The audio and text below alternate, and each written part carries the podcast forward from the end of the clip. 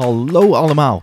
Super dat je weer luistert naar deze nieuwe podcast. Annelle en Jens hebben het fantastisch gedaan, maar nu zit ik er weer, Bart en ik zit hier samen met de kandidaat bestuursleden politiek Evelijn Zandberg en Tieke Scheurwater. Ze gaan in debat, of gesprek zoals ze het liever noemen. Dat soort verbindende dingen leer je natuurlijk alleen bij een opleiding social work. Maar ter geruststelling van de ramptoerist, ik kan je verzekeren, ze zijn het zo waar wel eens oneens. En dan begint het toch verdacht veel op een debat te lijken.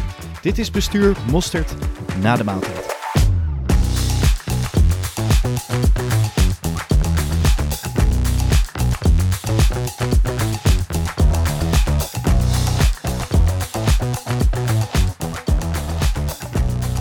Alright, eh, dit is eh, bestuur mosterd na de maaltijd. Uh, verkiezingsspecial, kunnen we het zo noemen, met Ja. de bestuursleden politiek. Zeker. Kandidaat, hè? eh, Kandidaat ik reken- bestuursleden. Ik reken jullie allebei al toe op de functie. Dat is, zo werkt het nou, natuurlijk welkom. niet. eh. Ehm, ja, eh, jullie hebben natuurlijk je praatjes ook kunnen doen in de vorige podcast. Eh, maar we dachten, bestuurslid politiek, dat is toch best wel een functie waarin je ook eh, het politieke geluid van perspectief eh, vertolkt, aanvoert.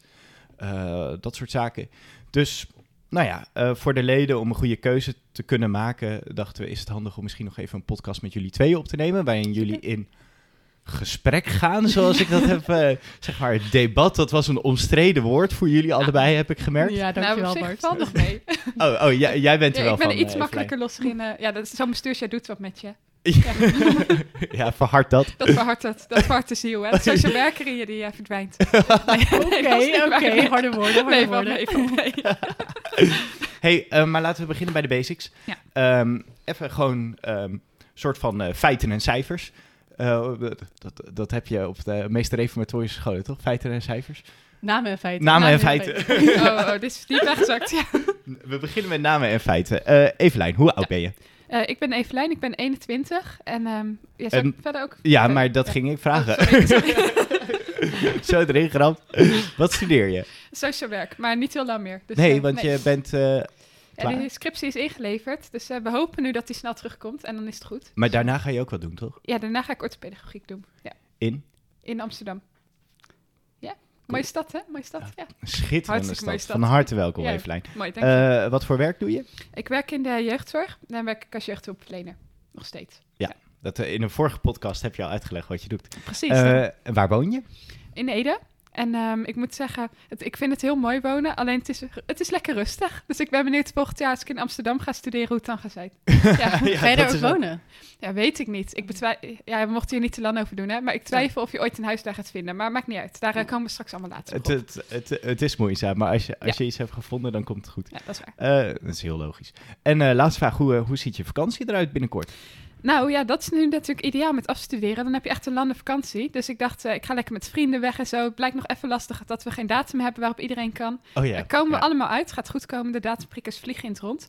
Ehm, dus we dachten misschien om naar Griekenland te gaan of naar Spanje. Gewoon even lekker de zon opzoeken. Zodat we ook een beetje goed op die bestuursfoto staan. Hè? Dat snap je. Lekker zeg.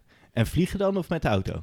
Ja, nou, ik heb dus geen rijbewijs. Maar vliegen ben ik ook niet van. Dus we gaan gewoon heel netjes of met de trein of we gaan gewoon carpoolen. Dus we gaan het zien. Oké, oké, oké, oké, interessant. Eh alright, eh, even de switch. Dieke, welkom Hoi. in de podcast. Dank je. Eh, hoe oud ben jij? Ik ben 23. En wat studeer je? Ik studeer nog steeds social work. Als het allemaal goed terugkomt, over een maandje niet meer. Oké. Ja. Ja. En daarna? Ga je dan verder studeren nog iets of helemaal klaar? Nee, ik, ik neem eventjes een tussenjaar, of Ja. wellicht meer. En dan blijf ik gewoon werken en ik hoop me dus in te gaan zetten als bestuurslid politiek. Dat is het idee. oh, oh, je rekent je al rijk. en wat voor werk doe je? Eh, ik ben ambulant begeleider in de jeugdzorg, Wat GGZ. is, wat is ambulant? ambulant, dan ga je naar mensen toe. Naar Ja. hun thuis, zeg maar. En ehm, ja, ik heb dus cliënten in de jeugdzorg, GGZ en ook een aantal WMO mensen. BMO. Wet maatschappelijke ondersteuning. Ja, je Dus- moet echt eh, eh, de social work noobs moet je er wel Ja, even bij houden. Die zou je moeten kennen, hè, de WMO. Die is nog wel met je Ja, bekend. ja, ja, eh, ik snap dat jullie onderling... is- straks gaan jullie met elkaar in debat, daar snap ik er helemaal geen hol meer van. Ja, maar- ja, die gemeentelijke verlenning, hè. Dat is echt... ja, is verschrikking. ja, daarom. En waar woon je? Ik woon ook in Ede. En daar, wellicht ga ik binnenkort naar Groesbeek verhuizen. Groesbeek? Ja, Groesbeek ligt achter Nijmegen, bijna in Duitsland. Ja, Hoezo? lekker rustig plekje Ja. in de bossen. Ja, gewoon. Ja, nou, omdat eh, mijn vriend en ik eh, binnenkort gaan trouwen.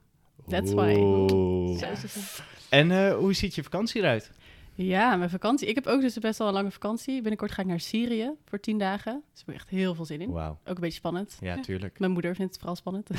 en eh, ik ga ook een, een gavenkamp leiden. Dat is eh, met eh, jongeren die in een AZC zitten of statushouder zijn. En met Nederlandse jongeren. Dus dat is super gaaf, want dan heb je die mix Van Stichting Gaven. van Stichting Gaven. Waar, waar Jens vader de, de baas is. Ja, dat klopt. Oeh, goeie. Dat loopt verder niet door elkaar. Allerlei belangstellingen. eh. Nu al. Ik maak me zorgen, Dieke. Nee. Oké, ehm, wat ik eh, heb gedaan. Eh, we hebben vier blokjes van 10 minuten, dat is het idee. Eh, ongeveer. Eh eerst is eh, debatcultuur en polarisatie, dat is blokje 1. Blokje 2 is sociaal domein.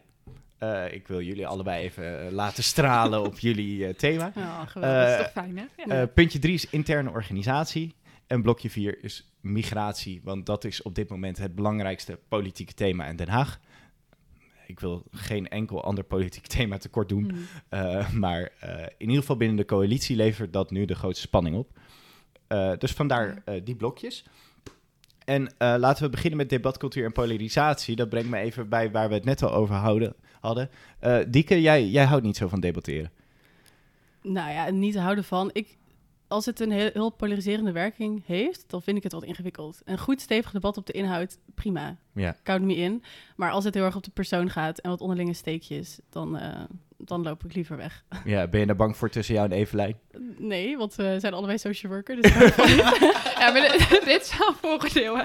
Nee, maar ik denk, ik kan toch echt wel een goed gesprek voeren, ook al is dat in een debat. Ik denk juist dat wij echt uit het oog zijn verloren hoe belangrijk het is om het met elkaar oneens te zijn. En dat we Mhm. daarin echt ja, meer dat gesprek aan mogen gaan. En of dat nou in de vorm van een debat of een ander gesprek is, dat we niet zo conflictvermijdend hoeven te zijn. Want daarmee zie je ook dat iedereen heel erg veel plannen heeft, maar dat ze elkaar niet meer vinden. Omdat je zo dan op je eigen eilandje zit, dat je gewoon nog niet meer weet wat er bij de ander speelt. Ja, maar daarin is denk ik het kernwoord ook verbinden. Dus dat je echt Mhm. gaat verbinden. En als je alleen maar in debat gaat en gaat vuren op elkaar, ja, dat vind ik gewoon niet de constructieve manier van Ja, samenwerken. maar En dan dat kom je nergens. Niet hoe een debat natuurlijk van origine is bedoeld, om te vuren Maar- en te vuren, maar juist om nader tot elkaar te komen. Klopt. Ik denk als we teruggaan naar de oorsprong van debat, dat ik daar me dan wel in kan vinden. En, en verbinden, hoe zie je dat voor je? Nou, dat je in een, in een debat echt eh, gaat kijken van... hey, wat drijft jou? En wat maakt dat je tot dit standpunt bent gekomen? En dus eigenlijk, ja, ik heb dat eh, heel mooi op mijn Instagram gezet... begrijpen voor begrepen willen worden. Als je dat invoert in een debat, dan, eh, dan ga ik er ook voor. Oké. Oké. Eh, we hebben een stelling die hier wel bij aansluit. Ik geef jullie allebei even een, een paar seconden, 30 of zo, om, eh, om jouw eh, standpunten hierover te delen. En de stelling is: een bestuurslid politiek moet zich mengen in het debat op Twitter. Eh, nu ben ik natuurlijk een volledig objectieve host wat dit betreft. Twitter, Er is wat is dat? Twitter. Geen idee. Nee, daarom. Eh, dus eh Dieke, mag ik jou als eerste het woord geven? Ja, dat mag. Nou, ben ik- je voor of tegen? Ik ben tegen. Ik heb dus geen Twitter. Ehm, dus dat eh, wordt sowieso lastig. En ik, ik geloof ook dat ehm, het moet niet van Twitter afhangen, dat, eh, dat debat. Een bestuurslid politiek moet zich zeker mengen in het debat. Dat ben ik helemaal eens. Maar niet op Twitter, omdat je elkaar dan niet in de ogen aan kunt kijken en kunt zeggen waar het op staat. Oké, helder. Eh Evelijn, voor of tegen? Ja, ik ben voor. Ik heb zelf wel Twitter. En ik denk ehm, dat zeker als bestuurslid politiek echt wel belangrijk is dat je weet wat er onder de mensen speelt. En dat je daarin elkaar ook moet opzoeken. En het is heel lastig om duidelijk te krijgen wat iedereen's belangen zijn en wat je vindt van dingen. En ik denk dat social media, Twitter, daar wel een mooi middel voor is om duidelijk en kort en krachtig te vertellen waar je voor staat. En nee, je ziet elkaar niet in de ogen, maar het kan wel een opstapje zijn om het gesprek daarna aan te gaan. En ik Hm. denk dat je een beetje plat slaat als je zegt: Ik wil geen Twitter, ik wil alleen in de ogen. Daar is ook niet altijd de tijd en ruimte voor. Dat ik dan bang ben dat het gesprek er niet gaat komen. Oh, maar ik geloof zeker dat in gesprek gaan op Twitter, ja, prima. Maar over hele grote, eh, belangrijke en ook wel gevoelige, gevoelige onderwerpen, ehm, is Twitter daar gewoon niet het juiste platform voor. Elkaar vinden kan zeker, dat is ook heel mooi.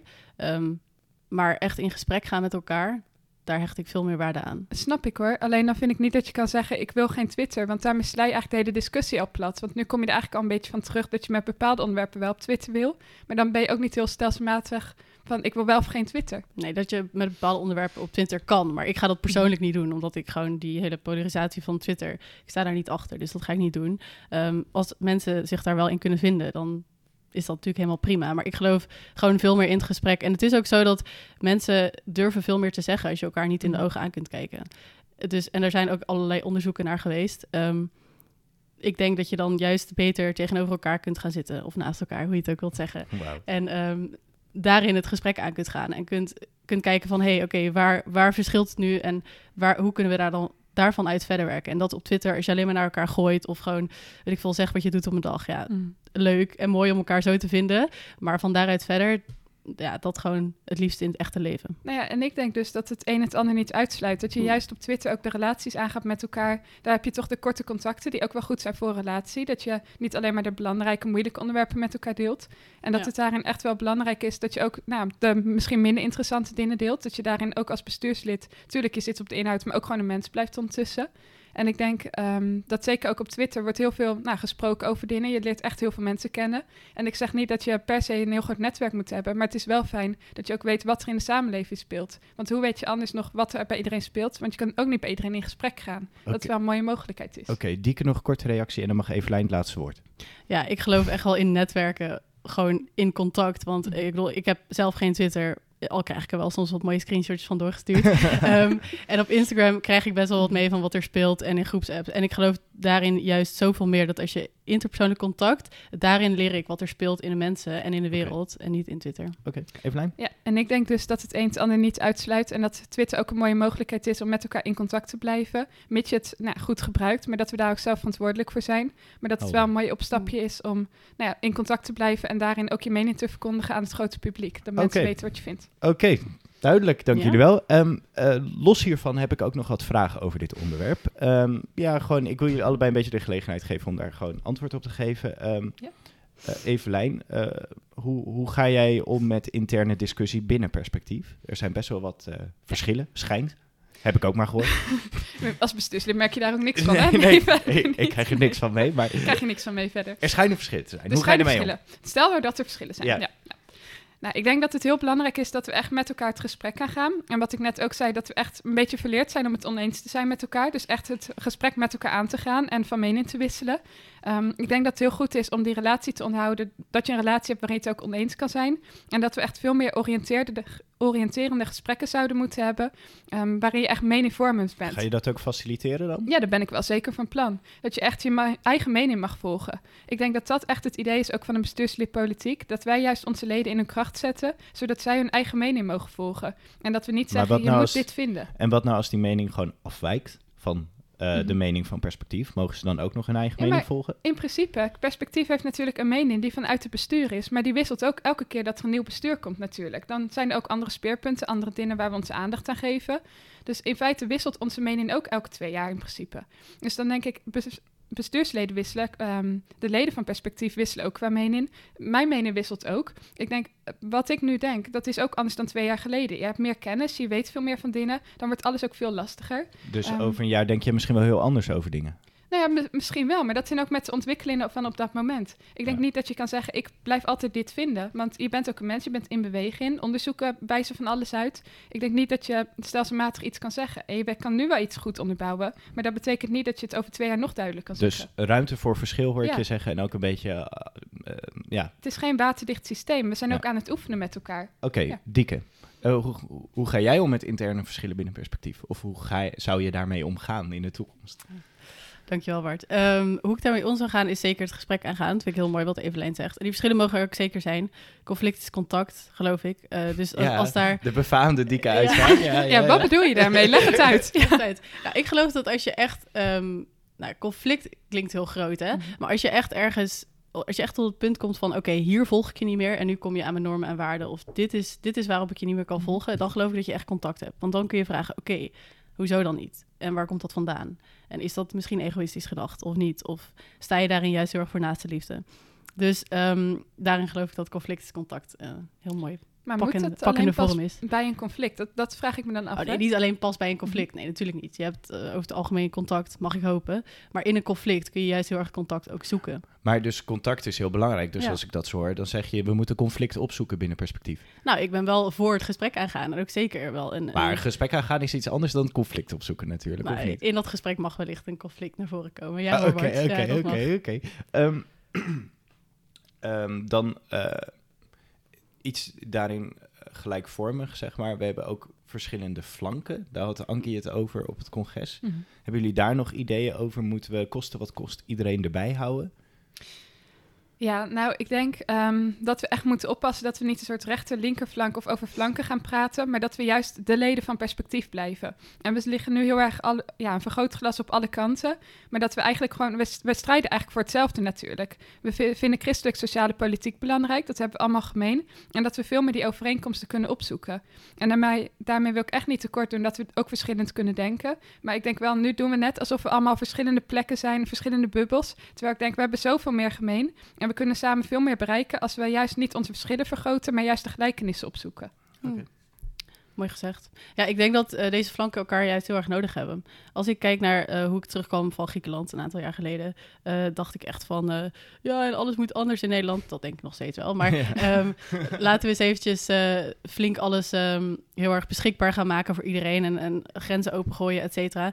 En nu wil ik niet zeggen dat ik daar nu volledig tegen ben, maar ehm, door in gesprek te gaan met nou, wat rechtse flank, om het maar even zo te zeggen, ben ik wel gaan beseffen dat, ehm, dat het niet allemaal zo makkelijk is en dat er ook Mm. heel veel haken en ogen aan zitten. Dus ik denk dat je elkaar heel erg nodig hebt. En als je daarin naar elkaar luistert en durft te luisteren ook, elkaars mening durft te horen, dat je samen ook alweer uitkomt bij nou, de Bijbel, christelijk sociale politiek en, en van daaruit verder kunt gaan. Oké, mooi. die balans, Eh, hè? dan Ja. is er nog één heel heet ang ijzer eh, die boven perspectief een beetje zweeft.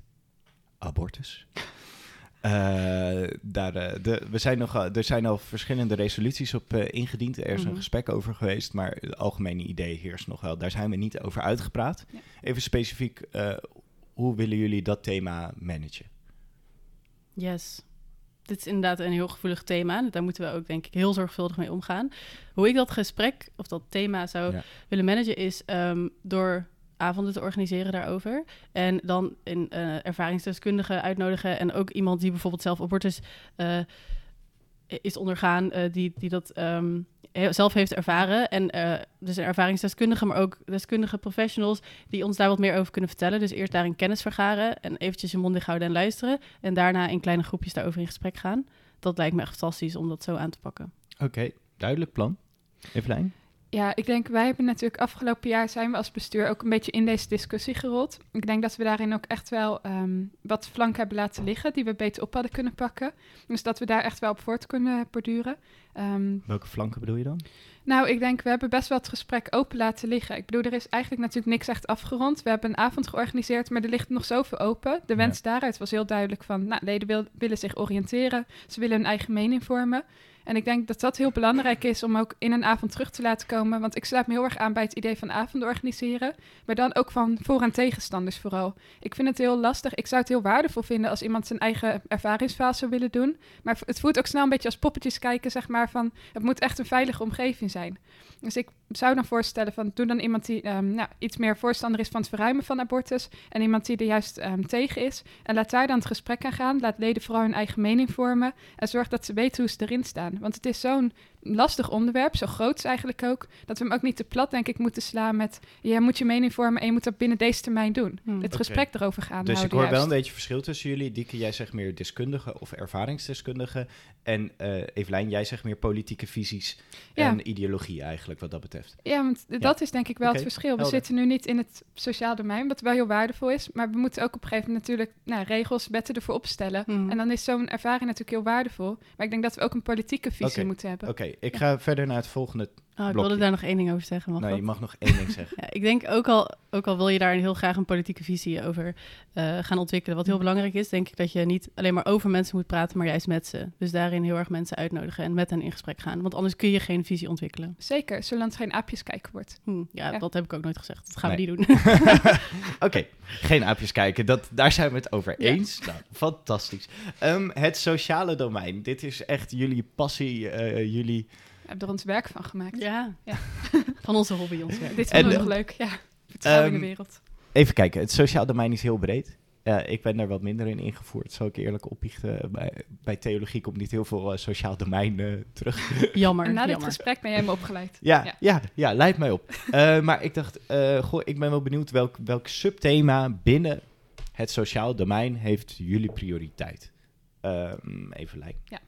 Nou, binnen sociaal domein, ehm, we hebben natuurlijk ook de werkgroep waar ik nu voorzitter van ben. En daar zijn we ook heel erg bezig met ehm, het betrekken van jongeren juist. Want jongeren hebben natuurlijk best zwaar in hun bestaanszekerheid op het moment. Die zitten daarin best wel in een ja, beknelde positie.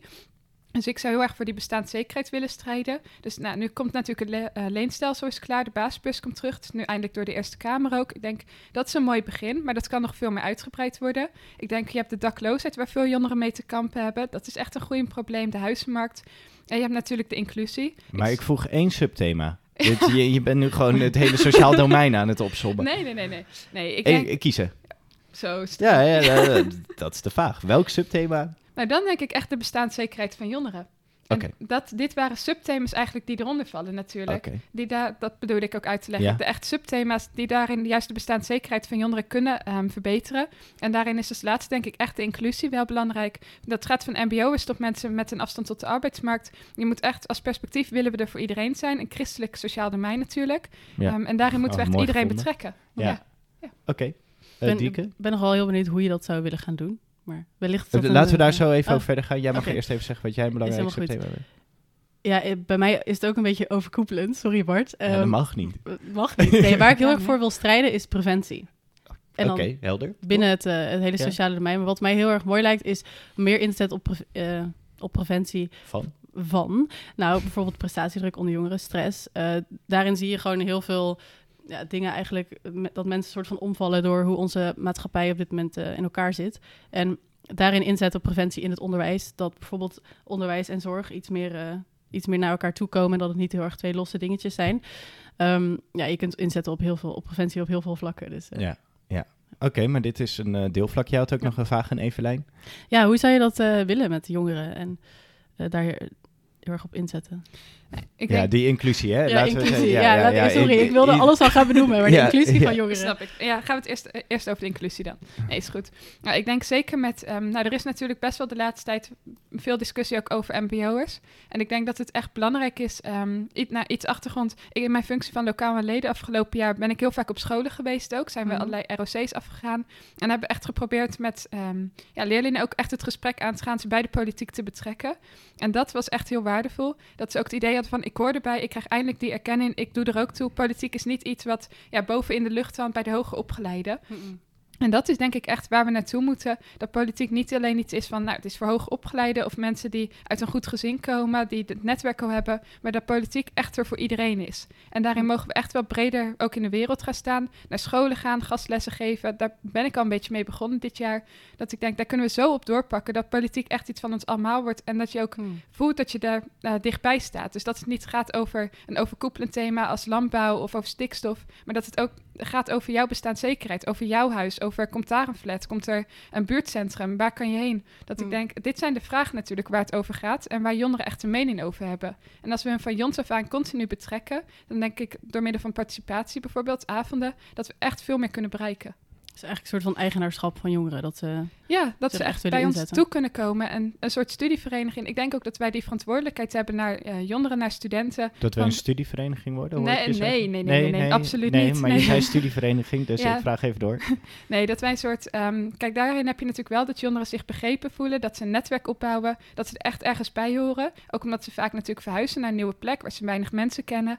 Ehm, en dat wij die plek ook mogen vervullen, dat ze hier op adem kunnen komen, veilig zijn en dat ze echt het vertrouwen hebben van er gebeurt iets. En ik kan hier terechtkomen, ik kan oefenen, ik doe een netwerk op, dat wij ook die rustplaats zijn en dat ze daarin Ja. zelf mogen Oké, ontwikkelen. oké, helder, Ja. helder. Eh, tevreden over het antwoord, Dieke? Ja, nou, ik, ik ben nogal gewoon benieuwd hoe je dat zeg maar, als bestuurslid politiek zou doen, zeg maar. Omdat ik ook het gevoel heb dat het iets meer bij lokaal en leden hoort. Maar Mhm. wellicht ben ik hierin onvoldoende geïnformeerd. Vanuit mijn objectieve eh, positie zou ik zeggen dat dat wel klopt. Eh, eh, Nou ja, ik denk wij als bestuur verdeel je natuurlijk ook de taken. En dat doe Ja. je voor een deel natuurlijk ook van waar liggen jouw kwaliteiten, waar liggen jouw vaardigheden. En ik ben het er helemaal mee eens dat een deel hier ook nog bij lokale leden ligt. Zit ik hier natuurlijk ook nog voor een deel als. ja, zeg Ehm, lekker samenwerken komend jaar. Nou, dat denk ik ook. Maar ik denk ook als politiek dat er ook een verantwoordelijkheid ligt dat jij de jongeren ook opzoekt. Tuurlijk, Maar je zit op de inhoud, Zeker. maar je moet ook de jongeren wel betrekken. Maar hoe ga jij voorkomen dat je je gaat bemoeien met je oude, oude functie? Nou ja, ik denk door dat ook wel goed af te bakenen. Er komt natuurlijk een nieuw eh, bestuurslid, Shady of Kilian. Ik, ik- Ja, wie er ook gaat komen Dat is natuurlijk. spannend. Dat is spannend, dat is heel spannend. En ik denk, zij kunnen dit natuurlijk echt oppakken. Zij pakken ook een deel de ledenwerf en de binding en zo op. Hm. Ehm, Oké. Dus dan kan helder. ik daarvoor... Ehm eh, Dick had het over preventie. Heb jij daar nog... Ik wil jou ook de gelegenheid geven of jij er nog vraag over wil stellen, Evelijn. Nou, ik- wat ik altijd vind, preventie is lastig, omdat je natuurlijk ehm, nooit echt weet, zeg maar, van heeft het zin of heeft het zin gehad, omdat je nooit kan meten, zeg maar, van wat als het er niet was geweest. Dus ik ben heel benieuwd hoe je het voor je ziet, van hoe weet je dat het effectief is? Dat is niet helemaal waar, dat je dat nooit kunt meten. Internationaal zijn daar onderzoeken geweest waar echt resultaten Mhm. uit zijn gekomen. Alleen in Nederland is dat wat lastiger, omdat er gewoon minder onderzoek naar is gedaan. Ehm, maar je kunt zeker, als je heel erg inzet op basisscholen, dan ehm, kun je zeker na een aantal jaar gaan kijken, hey, deze kinderen, kun je gewoon een groep volgen op middelbare scholen, van wat voor invloed heeft dit gehad? Dus ik denk dat ehm, je niet altijd moet gaan kijken van, oh, dit gaat niet werken waarschijnlijk, maar het is altijd goed om met kinderen in gesprek te gaan over stress, over veerkracht, dat soort dingen. En dat gaat hun helpen in, ik geloof alles in het leven. Als je leert dat je af en toe nou, tegenslagen hebt Ja. en dat soort dingen. Ja. Ja. En waar ligt dan precies de grens, zeg maar, tussen jouw werk als sociaal werker en nu jouw functie als bestuurslid politiek? Nou, als social werker ben ik nu heel erg individueel soort van bezig. Eh, binnen de organisatie waar ik werk mag ik me wel ook bezighouden en een beetje een soort van schoppen soms tegen eh, gemeentelijke eh, dingen. Maar dat is natuurlijk echt iets heel anders dan politiek landelijk. Ehm, dus ik denk dat daarin ehm, bij perspectief bijvoorbeeld, wat ik daarin zou doen, is veel meer landelijk kamervragen stellen. Of, of nou ja, sorry, de, aan, aan de fractie aanleveren. Ja, ja, Ehm, ja. En daarover in gesprek gaan. Dus heel veel meer van hoe doen we dat landelijk. En in mijn werk ben ik veel meer bezig op gemeentelijk niveau en ehm, met de cliënt. Oké, laten we even doorgaan. Eh, ik was even benieuwd, verschillen jullie eigenlijk wel op dit thema? Zeg maar, komt er, komt er allemaal eenheidsworst zo uit de CHE-rollen... waarin iedereen een soort van eh, eh, sociaal domein aanbieder is? Of verschillen jullie ook? Ja, ik denk dat wij zeker wel verschillen. Wat je net ook wel hoort, ehm, de standpunten die we hebben natuurlijk. Nou, jij bent meer preventiegericht, ik meer bestaanszekerheid. Ik denk, ehm, ik, ik vind het heel waardevol dat ik misschien al... Nou, ik heb dat jaar ervaring natuurlijk al. Dus ik weet al een beetje hoe de nou, fractie ook werkt, hoe de samenwerking gaat. En ik hoop daar heel erg op voor te beduren ook. Dat ik weet van, nou, je weet al een beetje wat je aan elkaar hebt. Van, je kan ehm, tijdens de fractievergadering ook heel gericht punten aandragen. Dat we niet alleen passief reageren, maar ook actief. Van, hoe ga je dit doen? Hoe ga je inzetten? Hoe zorg je dat je jongeren gezien houdt? Mm-mm. Dus ik weet niet of jij Dieke ook een idee hebt, maar wat is echt jouw kernpunt, zeg maar, dat je denkt van hierin verschil ik, dit is mijn visie, mijn weg. Binnen het sociale domein. Nou, mijn vraag was gewoon of jullie verschillen binnen Ja. het sociaal domein. Jij begon over je ervaringen, Evelijn. Dat is, dat- ik, ik, ik wil je niet tegenhouden. Dat is, eh, dat is je goed recht. Alleen Ja. of er ook verschillen zijn. Ik denk als, als je zeg maar kijkt naar wat er uit- vanuit de CAE komt rollen, dan, dan, Mhm. dan ben je als christelijke professional heel erg gegroeid Ja. na vier jaar. En, en daar verschil je natuurlijk inhoudelijk op punten. Ehm, maar ik denk dat Evelijn en ik allebei de persoon zien. Mhm. En ehm, dat we daar ook voor gaan en daarvoor zijn opgeleid. Mooi, Ja. mooi. Nou, laten we het hier eh, even afronden, eh, dit blokje. Ik ga naar het volgende blokje. Eh, interne organisatie. Ehm, ja, als politieke adviseur wil ik zeggen. Als bestuurslid politiek eh, word je ook geacht leiding te geven aan een deel van de werkgroepen. Je staat ook in contact met de politieke adviseurs en ook met de Denktank. Mhm. Ehm, en ik was heel benieuwd op welke manier jullie jullie leidersrol, karttrekkersrol, rol, coördinator, eh, eh, first among equals, hoe je, hoe je het ook wil noemen, zeg maar, hoe willen jullie dat invullen? Evelijn, aan jou eh, eerst Ja. het woord. Ik, mijn plan is heel erg om de werkgroep echt een soort expertisegroepen te maken. En om daarin echt een soort ehm, ja, basis te creëren. Ook als er nou, stukken vanuit de fractie komen, natuurlijk de Tweede Kamer. Dat we daarin echt bij, die, bij onze werkgroepen, de expertisegroep, ook terecht kunnen. En ze daarin concreet kunnen bevragen, wat vinden we hiervan? Jullie hebben de kennis. Ehm, ik heb gewoon niet van al die onderwerpen natuurlijk de kennis paraat. En dat zijn gewoon heel veel leden die dat veel beter hebben. Mogen wij die stukken delen? Nou nee, maar ik kan wel bijvoorbeeld vragen. Stel, ze hebben een stuk over asiel. Van hoe staan jullie erin? Ja, wat zijn zo. de precieze Ja, ontwikkelingen? Ja, Eh, dat, dat kan denk ik heel goed. En daarin kunnen we ze echt wel bevragen. En ik denk... want, ehm, sorry hoor, even voor, voor de helderheid voor de luisteraar. Wij krijgen de stukken van de Oh vergadering, eh, van de fractievergadering, eh, krijgt het bestuur opgestuurd. Dus wij weten vaak al een beetje een soort van de spreektekst van de Kamerleden van tevoren. En wij kunnen daarop inspreken tijdens de vergadering.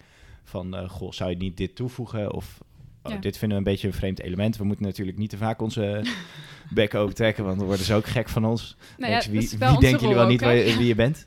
Eh, maar eh, soms eh, vinden ze het heel waardevol om ook onze inbreng te horen. Sorry, ga verder. Nee, dat is een goede toevoeging hoor. Dat is een goede toevoeging. Nee, ehm, en ik denk, we hebben natuurlijk de politieke adviseurs. Ik denk dat, nou ja, dat, je merkt nu natuurlijk al dat het heel lastig is om daar mensen voor te vinden. En dat het toch al snel een beetje een groepje is, nou, wat lastig te duiden is. En ik zou juist heel erg willen dat zij een, een soort strategisch adviseurs worden. Dus ook echt voor het bestuur. Van nu is het handig bijvoorbeeld om de media op te zoeken, nu is het handig om een opinie te schrijven, dat ze daarin veel strategisch mee gaan denken en dat ze daarin echt aan het bestuur worden gekoppeld ehm, en dat ze daarin zo verenigd worden. Want ik denk dat het nu een beetje in de lucht blijft hangen, maar dat er echt heel veel kennis, heel veel kunde zit in hun en dat we die veel meer kunnen benutten. Dus het zou veel mooier zijn, nou, ook voor ons, want nu zijn wij heel erg bezig ons tijdswerk met strategie, strategisch uh, dingen, van wat is handig.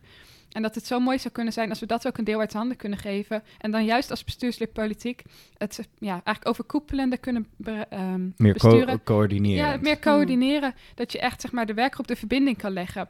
Dat je mensen bij hun kracht kan zetten, maar wel dat overkoepelende beeld houdt. Oké. En, en, en wie ben jij als persoon, als leider? Ik ga, ga er nog even op door, zeg maar. Uh, wat kenmerkt jou? Ik denk, ik ben heel betrokken en ik wil ook iedereen heel graag betrekken bij dingen. En ik denk dat ik heel goed ben in mensen in hun kracht zetten, maar toch het overkoepelende beeld houden, um, om uiteindelijk die zelf die verantwoordelijkheid te houden. Oké, helder. Uh, Dieke, uh, hoe wil jij leiding gaan geven aan de verschillende organen die we hebben binnen perspectief die met politiek te maken hebben? Yes, nou, ik vond het heel mooi wat Evelijn zei over politiek adviseurs meer betrekken. Daar ben ik absoluut uh, helemaal mee eens. Ik heb een aantal politiek adviseurs gesproken en die zeiden wel van, nou, daar, daar zijn wel dingen in te verbeteren. En daar zou ik ook echt heel graag van tevoren vragen van, joh, geef jullie input hierop. En ik, als ik de stukken niet mag delen, dan uh, typ ik daar zelf wel eventjes uh, wat over. Dus dat zou ik doen. En de werkgroepen, ja, die kunnen denk ik ook veel meer in de kracht worden gezet. Dus daar ben ik het eigenlijk wel mee eens. En um, ik geloof ook heel erg dat daarin ook het interne debat en discussie, dat, dat dat daarin ook gevoerd mag worden, zodat je eigenlijk daar sterker uitkomt. Ja. En wie ik daarin ben als persoon is ja. Um, heel erg bevlogen. Ik ben enthousiast over dingen en uh, we gaan ervoor met z'n allen. En um, nou, ik zal ook wel gewoon vaart maken met de agenda. En uh, op een gegeven moment moeten we ook door. Dat is ook wel wie mij kenmerkt. Doorpakken, doorpakken met Dieke. Uh, goed mooi, om te horen. mooi. Ja, ja. ja precies. dat is een mooi slogan, ja. ja uh, ook die van Wopke Hoekstra. En nu oh, doorpakken. Ja, sorry. Dan niet helemaal geschikt. Nee. um, het, een volgende vraag die ik nog heb over de interne organisatie is... hoe gaan jullie om met meningsverschillen binnen het bestuur?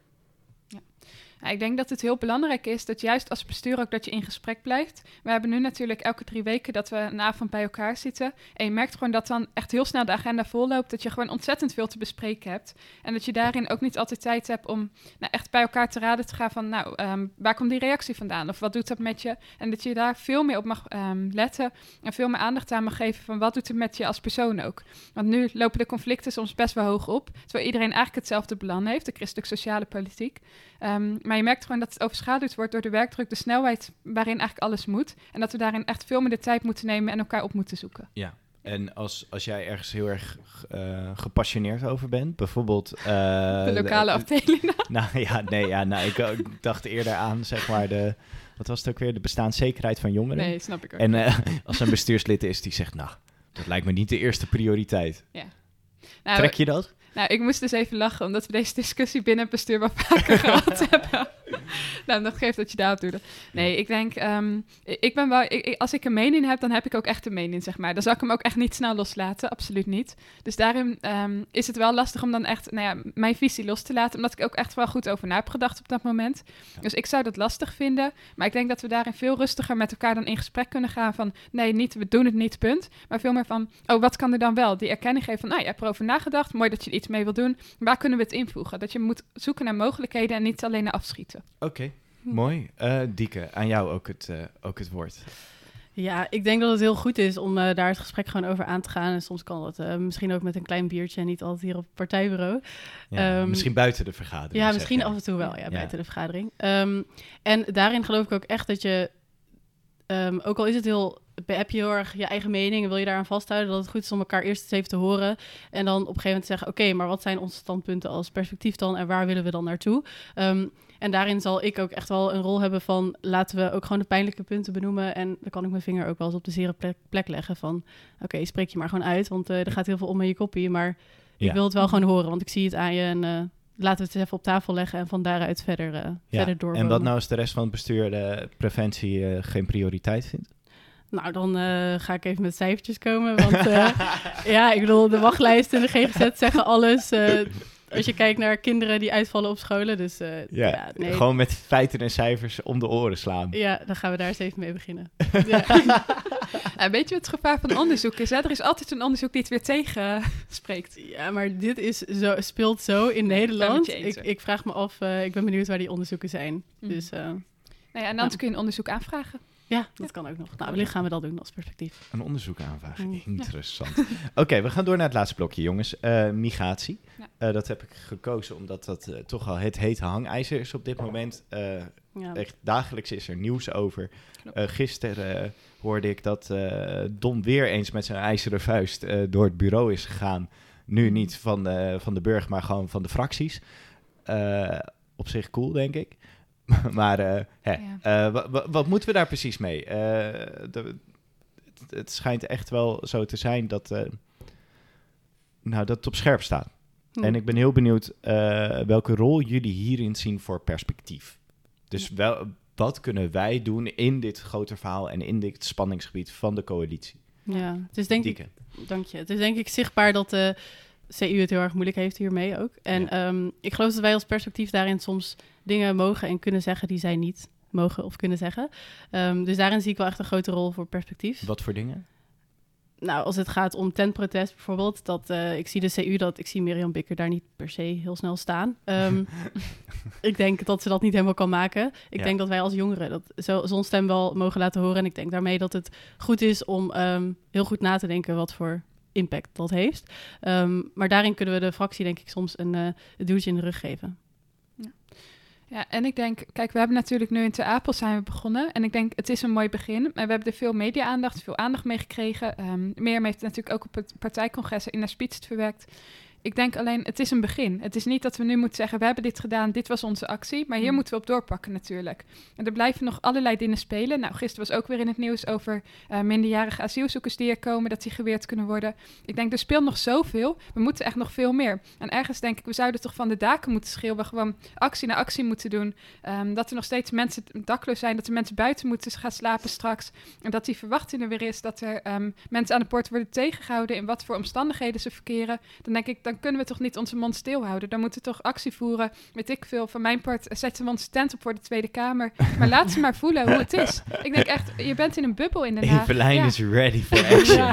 Nee, maar Dieke, Dieke, vind je dit eh, een beetje doorslaan of eh, Nee, ja, doe je mee? Ga je ernaast liggen? Mijn tentje van de tentprotesten van afgelopen zaterdag staat hier eh, Oh ja, dit bij ons in de zaal.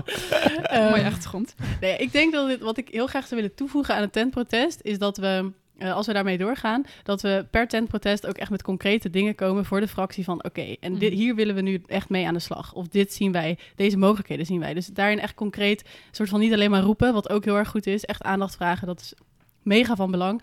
Maar daarin ook concreet zijn van, hey, dit zijn dingen, dit zijn mogelijkheden. Hier zien wij eh, een gat in de markt, soort van. eh. Het is een beetje ingewikkeld met deze, ehm, dit thema, maar Ja, nee, ik, ik snap je hoor. Ik denk het is echt het verlenden van elkaar. Tuurlijk moet je ook concrete punten hebben. Dat je ook iets hebt van, nou, hoe wil je het dan verbeteren? Want je zit ook vast natuurlijk. Nou, ChristenUnie zit ook in de coalitie. Ik snap die moeilijkheid wel. hm. En tegelijk denk ik, zij kunnen ook onze acties natuurlijk gebruiken. Van zelfs onze jongeren maken zich al druk. En wij hoeven echt niet altijd zo op de inhoud te zitten dat we met de oplossing komen. Maar ze kunnen wel als duwtje in de rug gebruiken van zij voeren al actie. Ja. Dan kunnen wij ons ook niet stil laten. Ja. Mhm. Hey, en moeten we ons eh, ook eh, gaan richten... Wij kregen een beetje het verwijt van... eh, ja, jullie roepen wel, maar jullie doen niks of zo. Ga, ga Hm. mensen helpen in plaats van actie voeren. Hoe, hoe staan jullie daar tegenover?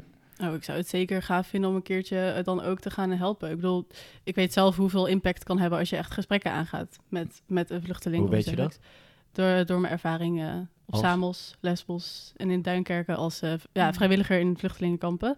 En in Nederland eh, overigens ook. Heb ik niet in vluchtelingenkampen gewerkt, maar wel mensen begeleid. Ja. Ehm, En daarin, daarin wil je dan ook echt aan de slag. Dus ik zou alleen maar eh, leden motiveren om daar zelf ook eh, echt mensen op te gaan zoeken en heerlijke maaltijden te gaan eten en culturen te delen. Dat is echt geweldig.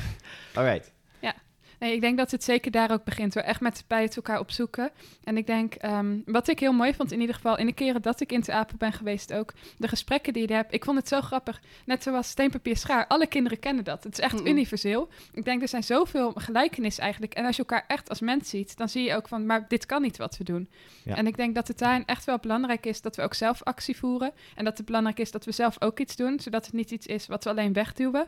Ehm, en ik denk ook wel aan onze Jara eigenlijk... die nu een verblijfsvergunning heeft... Ik denk dat was ook een heel proces natuurlijk, waarvan alles nou, bij is wezen kijken. Maar we hebben er wel uiteindelijk ehm, nou, die petitie gedeeld. We hebben handtekeningen verzameld. Er is zoveel gebeurd. En ik denk, dit is natuurlijk wel het levende bewijs van... er zijn ook mogelijkheden. Er zijn ook echt dingen als we ons inzetten. Oké, Ja. helder. Ehm, ik heb nog een stelling.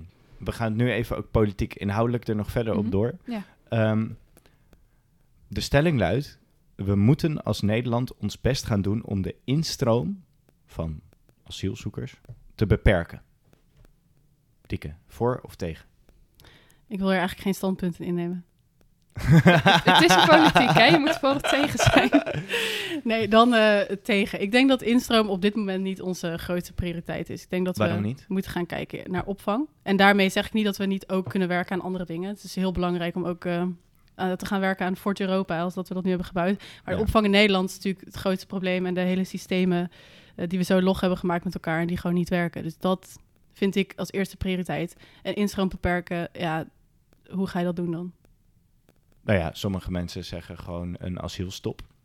Ja, nou, persoonlijk vind ik dat eh, ingewikkeld, omdat ik in Griekenland heb gewerkt en daar letterlijk mensen aan mij hebben gevraagd van, oké, maar waar is mijn dochtertje van negen? Die ligt nu op de bodem van de Middel- Middellandse Zee, dus eh, Ja. ja, ik eh, zie niet echt in hoe. Ik denk wel dat we met, ons vraag, met dat vraagstuk moeten we ons bezighouden. Dat is echt oprecht heel erg belangrijk.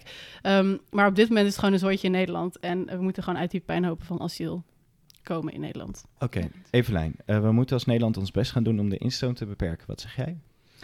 Ik ben tegen. Ik denk eh, dat het juist belangrijk is dat er wel een menswaardige opvang ook is. Dus ik zou wel als voorwaarde willen stellen. ehm, we kunnen niet mensen tegenhouden, zeker niet. Want vluchtelingen, ja, je vlucht natuurlijk niet zomaar uit je land. Je laat zomaar niet alles achter. Maar dat we dan wel iets beters kunnen bieden voor ze. Ik denk, als we echt niks kunnen bieden, als we er weer zo'n puinhoop van maken dat mensen buiten moeten slapen, dan zou ik echt bijna neigen naar voor. Omdat we dan gewoon geen menswaardige opvang meer kunnen bieden. Dan denk ik, het wordt niet beter. Wat is het dan nog waard om te vluchten? En hoe ga je En- dat dan doen? Nee, maar ik denk, we hebben zo lang hebben we natuurlijk bij de Turkije die het ook maar weggeserveerd van aan de randen van Europa. Maar zie je Mhm. hoe het daar natuurlijk gaat. Dieke, je bent er zelf geweest. Het is zo'n puinhoop daar. Maar eigenlijk hebben we zelf dat natuurlijk voor een deel gedaan. We hebben zelf niet die verantwoordelijkheid genomen van wij bieden opvang, wij gaan ze helpen. En dan denk ik, wij als Nederland moeten juist wel die menswaardige opvang bieden. We hebben die mogelijkheden. Breid bijvoorbeeld zeven naar uit. Nu mogen er alleen nareizigers komen. Maar waarom moet iedereen naar Te Apel en raakt Te Apel overbelast? Terwijl het niet nodig is. Dat, dat ja, maar ja. sommige mensen zeggen het is vol, het is genoeg. Eh, gemeenschappen gaan er een Sorry onderdoor. Bart, wij waren eh, gisteren nog in Assen. We waren in Groningen. de- Was het daar vol? Ik ben- Ik ben maar de host, hè. Oh, arme Bart, arme Don't, Bart. don't shoot the messenger. Ik stel alleen maar vragen. ik, ik heb gewoon passie Nee, ja, nee, ik ja. ben heel mooi, heel mooi. Ja, maar sommige Nee, mensen zeggen, joh, dit is echt genoeg, meer kunnen we niet aan. Ik denk, kijk bijvoorbeeld naar Duitsland of andere landen, hoeveel vluchtelingen zij opvangen. Ik denk, ehm, er zijn echt wel mogelijkheden, maar het is vol. Bijvoorbeeld in Ter Apel, omdat daar alle mensen worden opgevangen. Tuurlijk is Nederland dichtbevolkt, maar er zijn echt nog wel mogelijkheden. Bijvoorbeeld in Zevenaar ook. Er zijn zoveel scholen waren er leeg, er waren zoveel plekken leeg waar gewoon asielzoekers konden slapen, waar ze tijdelijk konden worden opgevangen. En we deden het gewoon niet. En dan denk ik, waarom doen we dit niet? Waarom werken we ons eigen probleem in de hand? Daarin is het denk ik wel ook heel erg belangrijk om goed dus na te denken over die systemen. Want je kunt wel iedereen soort van naar Nederland eh, ja, Ja. soort van binnenlaten, om maar even zo te zeggen. Eh, maar als je vervolgens niks kan bieden, dan is dat ook ingewikkeld. Dus het is wel Ja. degelijk, het, is, het gaat veel, veel groter dan alleen de opvang zelf, dan alleen de opvangplekken. Het is alles dat er omheen eigenlijk. Maar we hebben En- ook een, een draagvlak kwestie, hè? Ja, nou, als ik eh de interview is, eh, de, ge- de geïnterviewde van de VVD-congres, Ja. vorige week hoorde, hoorde ik dat het heel goed gaat in Nederland. Dus dan kunnen we wel wat uitdelen van die goedheid, denk ik. Ja, maar die man die leeft in een bubbel, joh. Echt. Ja, ik heb het niet se over één specifieke man. eh één Nee, maar- specifieke man. Nee, maar ik bedoel, los even van dat we de middelen hebben, de mensen willen het niet. Maar willen de mensen het niet? Dat vind ik dus ook een vraag. Hebben wij ooit echt gepolst bij mensen hoe het zit? Wij hebben natuurlijk in onze eigen achterban, nou, heb ik ook veel gesprekken gehad. Daar was echt nou, de bereidheid er wel. Alleen omdat er zo'n puinhoop is, daardoor willen mensen het niet meer. Dan is het cirkeltje natuurlijk ook weer rond. Van het is een puinhoop, mensen willen het niet. We geven de schuld aan vluchtelingen en het wordt weer een puinhoop. Weet je, jij, je raakt echt zo je eigen probleem in de hand. Ja, ik, vind- ik vind hierin dat er zoveel, er zijn zoveel belangen, zeg maar. Het is echt wel een, een het is niet zo makkelijk, heb ik afgelopen jaren. Ehm, dat heb ik eigenlijk wel zelf ondervonden. Hoe dan? Nou, als je opvang eh, regelt, dan moet je ook scholing hebben. Je moet inburgeren, mensen moeten aan de bak. Mensen moeten kunnen werken in Nederland. Dus er moet er ook genoeg begeleiding zijn en dat soort dingen. Dus En als we, eh, eh, vind je dat dat er moet zijn? zeker, ja. Absoluut. En dan zit je alsnog wel met het vraagstuk van... oké, maar, maar wie dan? Want ik, ik ben, denk ik, ik ben wel van mening... dat niet iedereen zomaar naar Nederland zou moeten komen. Omdat het ook heel goed is, heel vaak, in, om in je eigen cultuur te blijven. Maar als mensen vluchten Mhm. voor hun leven... Ja, dan absoluut moeten we in Nederland daar wat daar moeten we daar wat mee. En, en dat, ik vind ook dat dat onze christenplicht is. Maar dat is denk ik wel een goed punt dat je aansnijdt hoor. Want ik denk dat we allemaal het er wel mee eens zijn dat er eerst moet gekeken worden naar opvang in de regio. Alleen op dit moment is dat er gewoon niet. Er zijn natuurlijk veel landen in oorlog, er zijn veel noden. Nou, dus zijn- mensen komen naar Nederland. Ja, er wordt natuurlijk daar heel veel opgevangen Ja. hoor. Maar ik bedoel, niet zeggen, iedereen kan daar... Ja, ik wilde zeggen dat echt 80 tot 85 procent Daarom. wordt opgevangen in de regio. Dus eigenlijk wat wij hier Ja, eh, dat is in Europa... maar een klein deel. Ja. ja. Nee, helemaal mee eens hoor. Maar ik denk wel, we werken natuurlijk wel in de hand. We hebben continu ook de IND afgeschaald natuurlijk. Echt alle asielmogelijkheden die we hadden. Dan was de grootste stroom geweest, dan schaalden we het weer af. Hm. Ehm, en daarmee is de IND ook zo ondervertegenwoordigd. Mensen willen er niet meer Ja. werken, omdat de Ja. werkdruk zo belachelijk hoog is. ehm, dat je echt ook weer in een probleem komt natuurlijk. Want mensen willen er niet werken door de omstandigheden, omdat het slecht bekend staat. En dan wordt het eigenlijk alleen nog maar erger. Ja, Ja. de coalitie die werkt nu toe naar een asieldeal, opnieuw, soort van. Ja. Eh, wat is de ondergrens? Of zijn we die al eh, onderdoor? Daar zijn we al lang onderdoor. En ik ben daar best wel bang voor. Als in, als je eenmaal de ondergrens daaronder zit, dan Ja. kom je er niet zo snel meer boven. Moet de ChristenUnie dan uit de coalitie? Maar dan je- is er niemand meer die eigenlijk strijdt voor menswaardige opvang. Dat vind ik wel een- principiële deel. Ik denk de ondergrens is bereikt, mensen slapen buiten.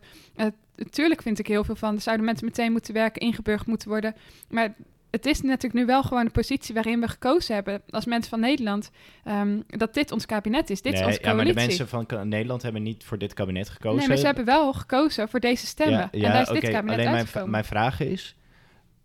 Kijk, tuurlijk. Ehm, maar als die ondergrens bereikt is... moet ChristenUnie dan zeggen... wij stappen eruit, wij nemen hier geen verantwoordelijkheid meer voor. Ik denk dat er wel een, een bepaald punt is. En de ChristenUnie moet daar zelf goed over nadenken. Ik eh, kan daar zelf niet zoveel uitspraken over doen. Maar de ChristenUnie moet denk ik goed nadenken... wat is voor ons de ondergrens? En dan moet je op een gegeven moment wel rigoureuze beslissingen gaan maken. Maar Als jij je- zei net, de ondergrens is al bereikt. Ja, volgens mij, voor, voor mijn idee wel, ja. Dus kandidaat bestuurslid Dieke Scheurwater zegt... je moet maar overwegen om misschien een punt erachter te zetten. Ik denk dat er stevige gesprekken gevoerd moeten worden over die punt. Ja, Binnen de ChristenUnie. Binnen de ChristenUnie en binnen de coalitie. Ja. Ja. Omdat op deze manier is het gewoon niet houdbaar. Dat zien we denk ik allemaal. En de ChristenUnie heeft het heel erg moeilijk. Maar wellicht ben je dan in de oppositie veel kostbaarder. Ja, maar ben je dat echt? En dat vraag ik me dus af. Nu hebben ze natuurlijk van binnenuit nog wel invloed. Er is ehm, allerlei onderhandelingen geweest, er zijn afspraken gemaakt. De ChristenUnie heeft natuurlijk nu wel echt een vinger in de pap. Ehm, en nu kunnen ze echt wat betekenen. Ze kunnen, nou, bijvoorbeeld wat Don ook natuurlijk doet, steeds kijken, is het juridisch haalbaar? Ehm, dan vraag ik me wel af, als ze in de oppositie zitten, ja, tuurlijk kunnen ze roepen, maar kunnen ze echt nog effectief wat betekenen? Want Mhm. de ChristenUnie is wel echt een asielpartij geworden die voor asielvluchtelingen opkomt. Dan denk ik, als we dit nou verliezen, wat is het alternatief dan? Voor binnen de coalitie bedoel je? Nou ja, voor de, de hele Tweede Kamer. Ja, wat wordt dan de maar, coalitie? als- ja, ja. zo. Ja. Wat is de alternatieve coalitie? Wel, misschien wordt het dan nog rechtser. precies. Dat is Hmm. wel waar we nu qua stemmen er natuurlijk naar uitlopen. Dat klopt. Alleen als je in, in de coalitie ook niks, niks bereikt, soort van, laat ik het even zo zeggen, Ja. dan wordt het ook lastig. En ik denk dat komende weken daarin heel erg bepalend zijn, omdat Rutte ook een aantal uitspraken heeft gedaan dat er plannen gaan komen. En de ChristenUnie is daar natuurlijk ook heel hard mee bezig. Dus daarin moeten we als perspectief denk ik ook echt onze stem laten horen van hier zijn we het niet of wel mee eens. Oké, dus daar zou jij, je, als jij bestuurslid politiek wordt, ga jij bezig met de stem laten horen van perspectief. Absoluut, ja. En wat wil je dan laten horen? Heb je daar al ideeën over? Nou, we sowieso denk ik zijn we als perspectief eh, het erover eens dat de ondergrens bereikt is. Als in die Ja. geluiden heb ik gehoord. Nou, dat sowieso laten horen. En dan ook, ik zou heel graag met concrete plannen willen komen. En ook de, de stem willen laten, eigenlijk de stem zijn die de ChristenUnie niet altijd kan zijn. Wat zijn die concrete plannen? Nou, daar moeten we dus in de werkgroepen keihard mee aan de slag. Want ik kan nu niet zeggen van dit Mhm. en dit en dit gaan we doen. Ehm, daar heb ik, eh, kijk, zelf heb ook niet alle kennis natuurlijk. Dus ehm, daar wil ik heel graag onze leden voor, ge- voor gebruiken. Ja, ik denk wel dat we op moeten passen. Ehm tuurlijk, misschien kan de ChristenUnie nog doen. En ik denk zeker is het goed om veel meer uit te bouwen. Daarmee kunnen we als perspectief ook echt wel wat betekenen. Ook zeker vanuit nou, onze rol als kandidaat, als we bestuurslid worden straks, Ja. hebben we die verantwoordelijkheid ook. Maar vergeet ook niet wat ChristenUnie wel heeft gedaan. Wat wij misschien ook niet weten. Wat voor invloed ze hebben gehad. Ehm, hoe was het geweest als zij niet in de coalitie zaten? Wat voor eh, afspraken werden er dan gemaakt? Hè? Dat we Mm. het ook niet helemaal wegzetten. Ehm, Helder. en ik, ik denk zeker als bestuurslid eh, ga ik me er ook zeker voor inzetten dat we acties gaan doen, dat er echt concrete plannen komen, dat er ehm, visiestukken komen. Want nu wordt alles maar op de korte termijn geregeld. Maar je ziet, als de grootste stroom is geweest, straks wordt het weer afgeschaald. En daar moeten we juist voor zorgen dat dat niet gaat gebeuren. Oké, Dieke, wil jij nog een laatste woord? Of zeg je amen? Ik zeg amen. Oké, heel mooi. Ehm, dank jullie wel. Eh, ik hoop eh, dat eh, ja, de, de luisteraars jullie allebei wat beter hebben leren kennen. Dat hoop ik ook. het ook. Ik denk het wel. Ik denk het wel. Ook gewoon jullie persoonlijkheid, hoe jullie redeneren, hoe jullie je Mhm. verhouden tot eh, bepaalde vraagstukken. Heel interessant, goed gedaan, zou ik zeggen. Ehm, eh, dan wil ik jullie nu nog even de gelegenheid geven eh, om een pitch te geven van één minuut. Waarin jij, eh, nou ja, die mag je vrij invullen. Doe een dansje, zing een liedje. Zullen we dat maar niet Wat doen? je ook maar wil. Dan verlies ik al mijn stemmen, denk ik. E- Evelijn, eh, jij, jij bent natuurlijk degene met ervaring, dus dan kan ik jou denk ik de gelegenheid geven om te beginnen. Nee, is helemaal goed. Nee, ik ehm, wil komend jaar, als ik jullie bestuurslid word, me echt in gaan zetten op de vertegenwoordiging van wat jullie belangrijk vinden. Ik denk dat jullie allemaal voorbij hebben komen afgelopen dagen, ook waar ik me voor in wil zetten, de verbinding, de veiligheid van de leden en de toekomstgerichtheid. Ik heb ehm, juist heel veel aandacht voor de bestaanszekerheid. En ik denk echt dat het belangrijk is. Ik heb de organisatie van binnenuit nu leren kennen, de lokale afdelingen, de mensen. En dat ik dat ontzettend in kan zetten komend jaar. En dat ik echt graag naast jullie wil staan ook. En jullie mee wil nemen in het hele proces. Omdat dit ook een opleidingsschool mag zijn. En dat het niet alleen iets is waar we op afgestraft worden of wat voor de grote mensen is. En ik wil juist heel graag dat jongeren echt zien hoe leuk perspectief is. En dat we nog veel meer leden gaan verzamelen. Omdat we samen echt het verschil kunnen maken als jongeren. En ik denk dat we dat nog niet eens altijd echt doorhebben. Hoe we dichtbij we eigenlijk aan de macht staan. Hoe dichtbij we staan. Dat we echt het verschil kunnen maken. En dat we dat echt met elkaar moeten doen. Dankjewel. Fantastisch, binnen een minuut. Mooi hè? Ja, wat goed. heel Dan ben jij goed. aan het timen ook. Ik ben stiekem een beetje zo met een eh, oog aan meekijken, maar Oh, spannend. ik ga, ik, ik ga niet gooien met voorwerpen hoor, als je overheen zit. Ik, ik zet hem gewoon uit. ja. Alvast doei. ja, ja. Eh, Dieke, eh, aan jou het woord. Yes. Toen ik 18 was. Toen ik 18 was, besefte ik me dat de wereld veel groter was toen ik op Lesbos kwam en met vluchtelingen ging werken.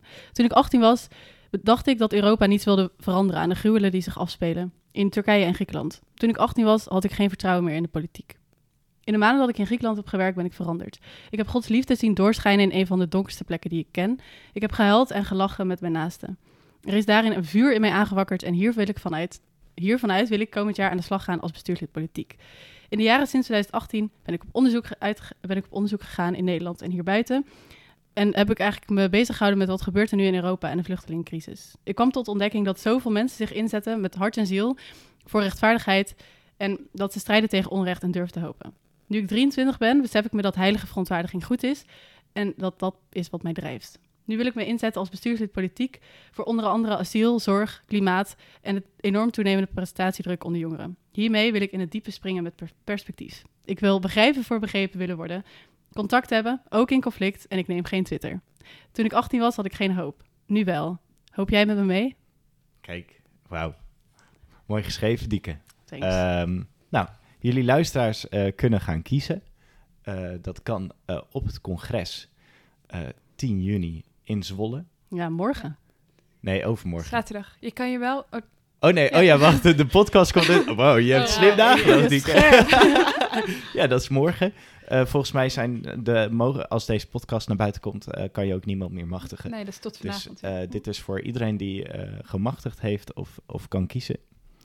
Ehm, en dan van mij uit. eh, misschien is dit wel mijn laatste podcast Oh. die ik heb Oh. gemaakt. Sentimenteel. Eh, um, ja, ja, het voelt ja. wel sentimenteel. Ik, ben, ik hoop dat jullie luisteraars hebben genoten van Mosterd na de maaltijd. Ik vond het ontzettend leuk om te doen. Eh, wie weet, tot ziens. En gaan we gewoon weer lekker verder. Misschien onder een andere naam. Misschien gaat Mosterd na de maaltijd verder. En, en ehm, I don't know. Nou, wordt Eh, bij deze dan bedankt. Ja, we hebben het echt leuk gehad. En eh, ik, ik, ik zie jullie allemaal sowieso terug. Dus eh, love you, bye bye en ehm, durf te hopen. Doei. Doei.